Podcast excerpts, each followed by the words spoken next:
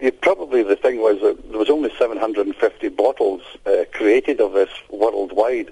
There might have been a few more if I hadn't been a bit more, if I hadn't been so exuberant in my sampling uh, ratios over the, the, the, the 10 years that it took to become just right. Macmillan sê hulle het per toeval op die whisky in hulle kelder afgekom. Hy sê hulle het die kelder gekoop in 2003 en tydens 'n voorraadopname op die eikehout afgekom wat op geen rekord gelys was nie.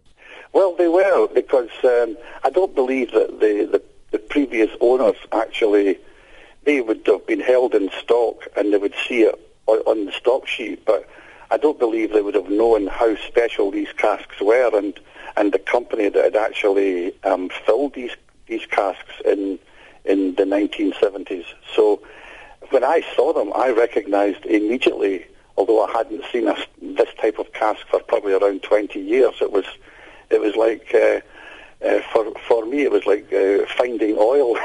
Four decades. It was it was amazing. Hy sê wat die whisky verder uniek maak is die feit dat die kelder langs die see geleë is en dis het dit 'n souterige ondertoon. Bunnahabhain is uh, right beside the the the sea uh, on the island of Isla, and uh, the uh, the location of it uh, is in the northeast of the island, which is subject to quite fierce storms at times, and many times the waves will splash against the warehousing walls, and so. As a, a whisky that matures beside the sea, it does take on a slight salty influence, and the older it becomes, this sweet saltiness has a has a, a, a sort of it contributes to the flavour of the uh, whiskey.